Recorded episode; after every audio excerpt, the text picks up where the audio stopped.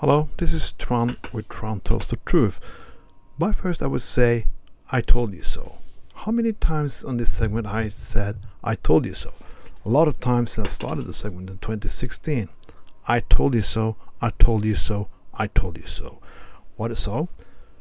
Why I saying it now? Yeah, because the conservative Supreme Court is now getting a ban on abortions.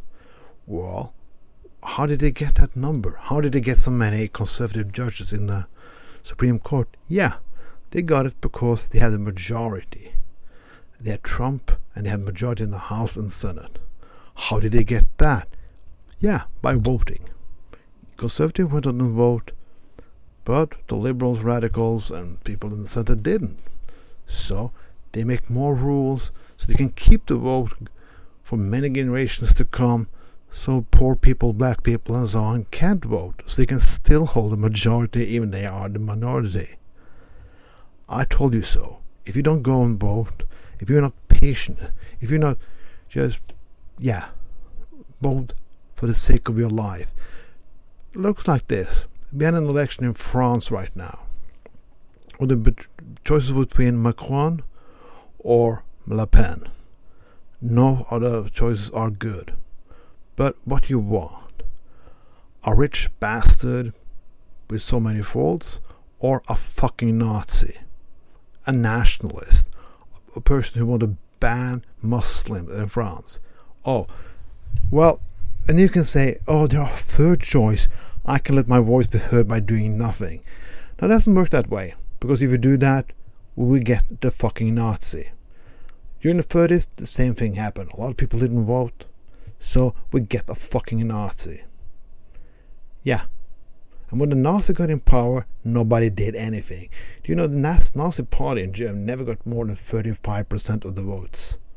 But it still had a fucking gridlock on Europe and the rest of the world with millions of millions of dead people. Okay, that was a little far out of my segment, but now we can have a ban on abortions. We can change that.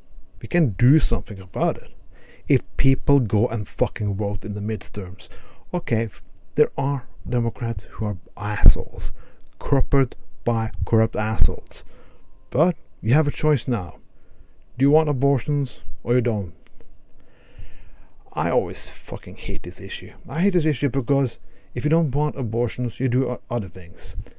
The, the, funny thing in Norway, there's the amount of abortions is going down abortion are legal, but they will go down. Oh, so why have it go down? Because you have sexual education in Norway. Yeah, people get things that you do that you cannot get pregnant. That's a good thing. That's a very good thing. But conservatives don't want that either. No, no, they don't. So they keep on banning a lot of bullshit again and again and again. And they do that because a lot of people don't vote, so they can't do so. This election comes now, it's going to be more important than ever. I told you that before too, and a lot of people are not going to vote anyway because Bernie Sanders and his people are not in charge, really never going to be this century because, again, you don't vote.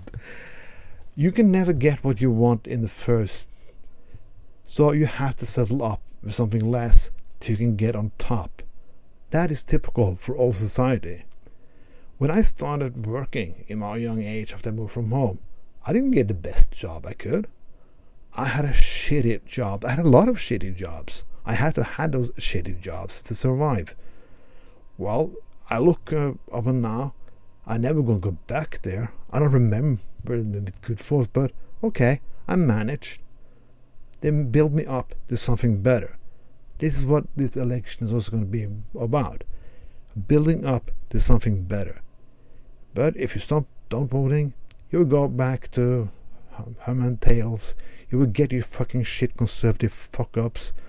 And please, don't come to Europe and fuck it up even more. This was Tron with Tron Tells the Truth. Have a fucking nice evening.